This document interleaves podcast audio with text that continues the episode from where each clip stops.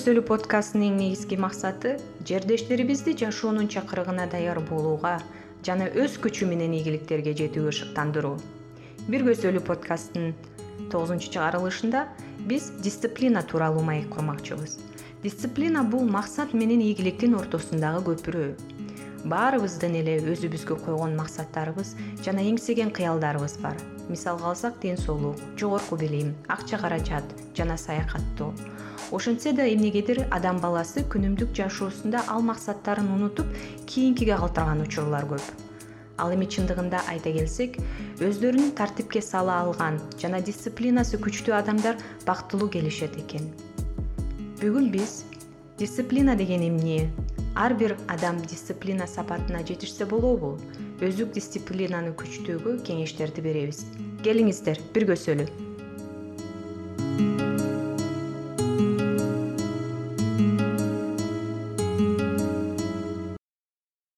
дисциплина латын тилинен келип чыккан. Которгондо үйрөнүү дегенди билдирет. Адам коомдогу эрежелерди үйрөнөт. Негизи дисциплинанын ар кандай түрлөрү бар? Мисалы үчүн аскерлик дисциплина окуудагы дисциплина жумуштагы дисциплина. Бүгүн биз биздин подкастта өздүк дисциплина жөнүндө маек курмакчыбыз дисциплина жөнүндө сүйлөшө келсек бул адамдын эң эле пайдалуу жана эң сонун сапаттарынын бири болуп эсептелинет да. Чындыгында айта келсек бир forbes деген журналында бир изилдөө кирип чыккан экен. Анын изилдөөчүнүн аты вильхельм хофман ал деген ушу дисциплина күчтүү дисциплинасы күчтүү адамдар негизи бактылуу келишет деген жыйынтыкка чыгыптыр да.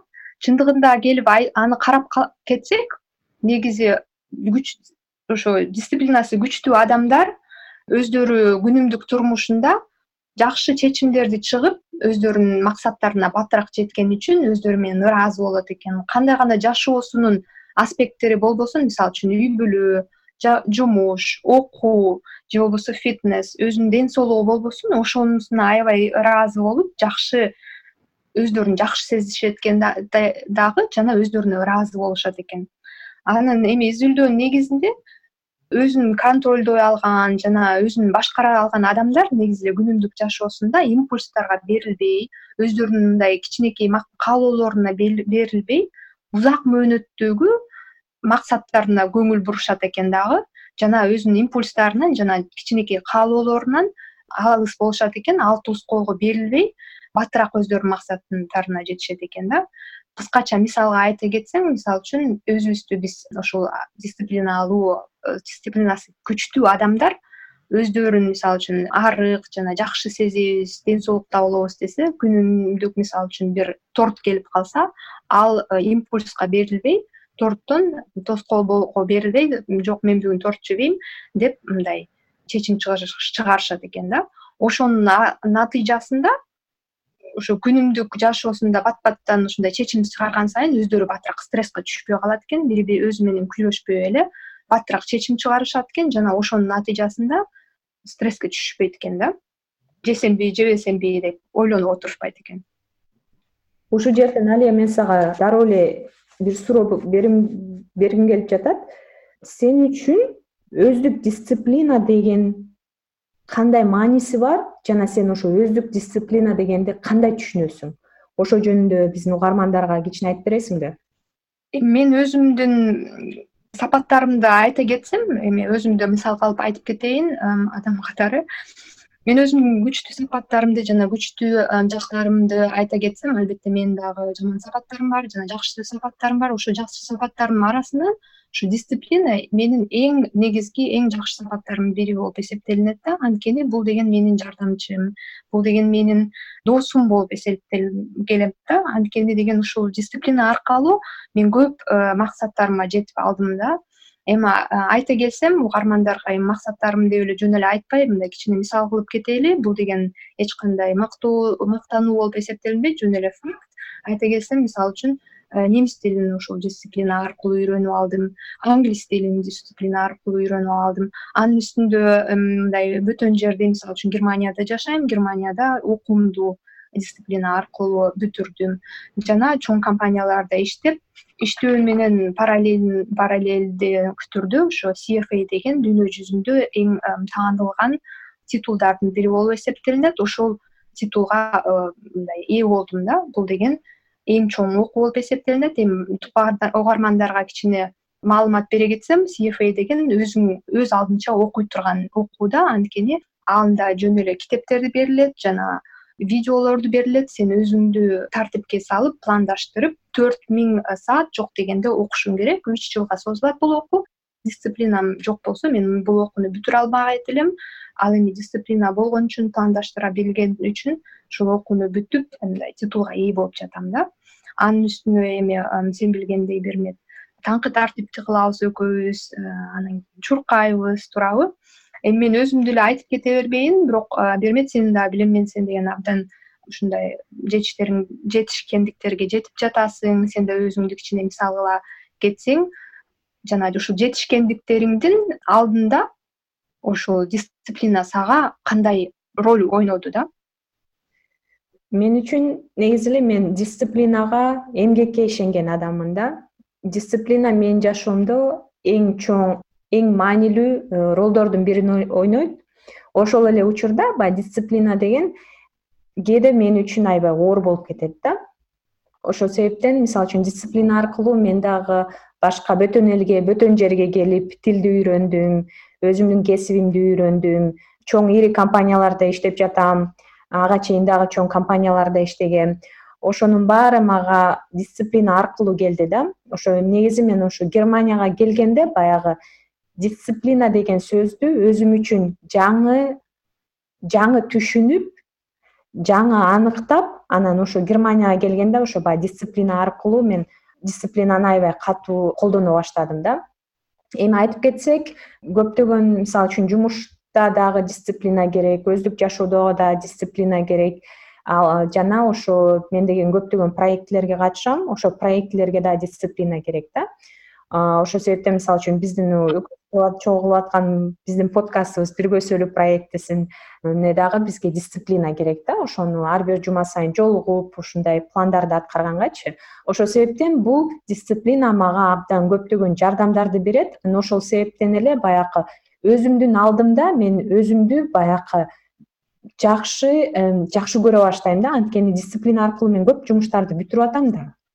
А бирок ошону кылыш үчүн ошо баягы ошо флоого кириш үчүн кичине көбүрөөк убакыт талап кылынды да менин мисалымда ошол себептен баягы көптөгөн эле ийгиликтерге кудайга шүгүр жетишип атабыз. Ошол себептен дисциплинанын ролу менин оюм боюнча абдан чоң. Демесе сенин айтканың боюнча сен дисциплинаны өзүң үчүн бул жактан ушу германиядан жакшы түшүнө баштадың же болбосо бир бир убакыттан баштап сен жакшы позитивдүү түрдө түшүнө баштадың деп айтып кеттиң демесе бул деген дисциплина э, тубаса сапат болуп эсептелинбейт да. Бул дисциплинаны деген булчуңга окшоп эле тренинг кылсаң машыксаң дисциплинаң күнүмдүк жашооңдо машыксаң күчтүү болот туурабы. Ошондуктан дисциплина бул адаттардын бири болуп эсептелинет жакшы адаттардын бири болуп эсептелинет. Жана ошо мен үчүн мисалы үчүн өзүмө бир жөнөкөй формула иштеп чыккам жакшы адатты кылам десең жакшы адатка жана характерге сапаттуу э, татыктуу болом десең анын үстүндө күнүгө иштешиң керек. Ал эми жаман адатты таштайм десең жөн эле кылбай коюшуң керек да. Ошондуктан э, угармандарга айтат элем баарыбыз эле ойлойбуз дисциплина абдан оор муну деген бир кээ бир эле адамдар кыла алат депчи. Андай эмес ар бир адам өзүнүн алдында иштеп дисциплинага ээ болсо болот да. Бермет менен мен биз кадимкидей эле силерге окшогон адамдарбыз күнүмдүк ооба кадимкидей эки колубуз бар эки бутубуз бар. Күнүмдүк жашообузда өзүбүз менен күрөшүп өзүбүз менен өзүбүздү пландаштырган үчүн ушул максаттарга жетип атабыз. Ошондуктан айта кетет элем угармандарга сиздер дагы өздөрүңүздүн алдыңызда иштеп өздөрүңүздүн максаттарыңыздарга ушу дисциплина аркылуу жетсеңиздер болот.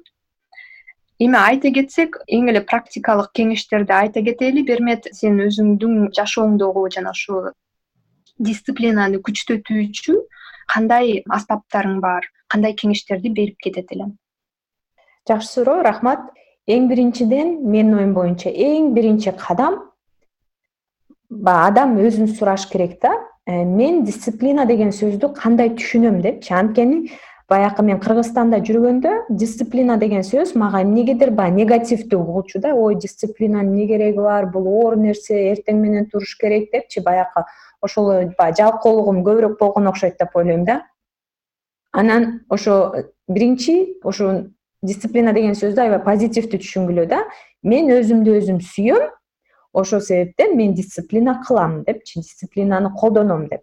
Мисалга алып кетсек мен өзүмдүн ден соолугумду чыңдагым келет дейсиңер да. А бирок эмне үчүн ошол үчүн дисциплинаны колдонуп атам дейсиңер? Анткени мен өзүмдү жакшы сезгим келет фигурам жакшы болушун каалайм негизи эле баягы в здоровом теле здоровый дух деп коет го ден соолугумду чыңалышына каалайм деп силер өзүңөргө жооп бересиңер. Ошол эле убакытта баягы ошол суроого жооп бергенде силерде мотивация пайда болот да. Мен ушуну кылгым келип атат деп анан ошо дисциплинаны баягы кичинекей кадамдар менен баягы микро микро кадамдарды өзүңөрдүн жашооңорго күнүмдүк жашооңорго киргизе баштагыла. Мисалы үчүн бүгүн алтыда беш ой алтыда турсам эртең беш кырк беште турам депчи баягы бир неметипчи кичинекей кичинекей стептер менен баштагыла. Анан ошол силерге аябай жардам берет деп ойлойм да. Эң туура анын үстүнө дагы ошол сен айтып кеттиң ушул күнүмдүк жашоого киргизишибиз керек жана күнүмдүк жашоодон ошо э, биздин ушул дисциплина жөнүндөгү мындай түшүнүгүбүздү оңдошубуз керек депчи ошого дагы абдан кошулам бермет анын үстүнө дагы мен айта кетсем ошо өзүңүздөрдү дагы сурагыла да. Эгер мисалы үчүн сиздер ден соолугуңуз жакшы болот деп мындай максат койсоңуздар же болбосо э, бир экзаменди тапшырам десеңиздер же болбосо бир окуудан диплом алам десеңиздер ошондо өзүңүздөрдү сурагыла да. Эгер мен азыр ошо дисциплинаны кылбай дисциплинаны кармабай азыр ушул жумушту эртеңкиге таштасам кандай болот анан ал жумушту эртеңкиден бүрсү күнгүгө таштасам кандай болот? Анан кийин ошентип таштап атып бир айдан кийин мен өзүмдү кандай сезем деп элестетсеңиздер албетте ар бир адам өзүн мындай жаман сезет өзүн жемелей баштайт туурабы. Ал эми э, мындай карама каршы мисал кылып кетсек эгер ошол максатка жеттиңиздер дейли э мисалы үчүн колуңузда диплом же болбосо өзүңүз мындай сонун сезип атасыңыз өзүңүз ден соолуктасыз. Тим эле күнүгө чуркап өзүңүздө энергия күч толуп атат да ошондо кандай сезесиңиз өздөрүңүздү эң сонун э?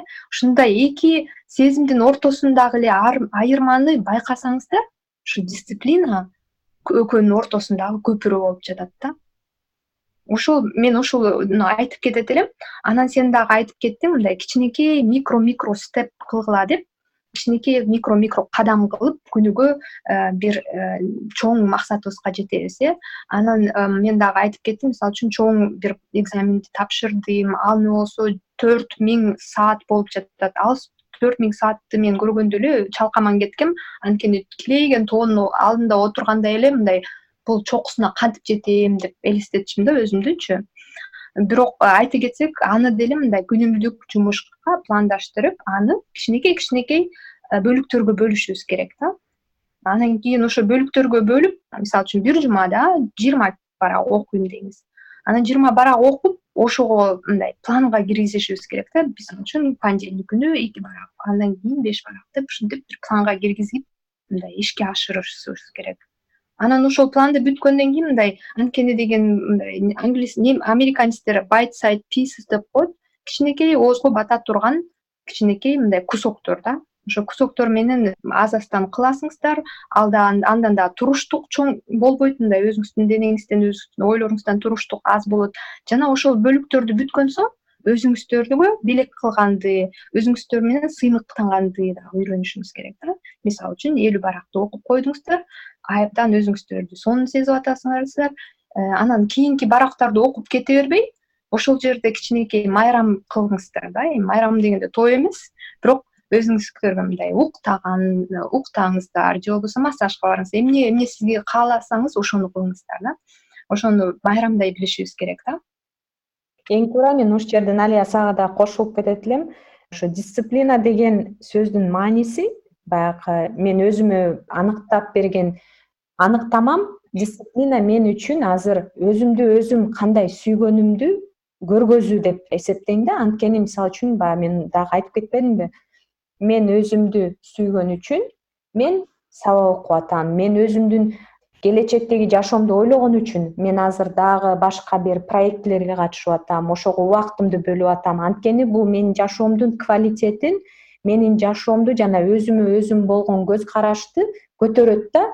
Ошол себептен ошо дисциплина бул эң сен айтып кеткендей алия силердин досуңар жана бул дисциплина деген сөз өзүңөрдү сүйүү өзүңөрдү өзүңөр сүйүү дегенге барабар деп эсептейм эң сонун айттың.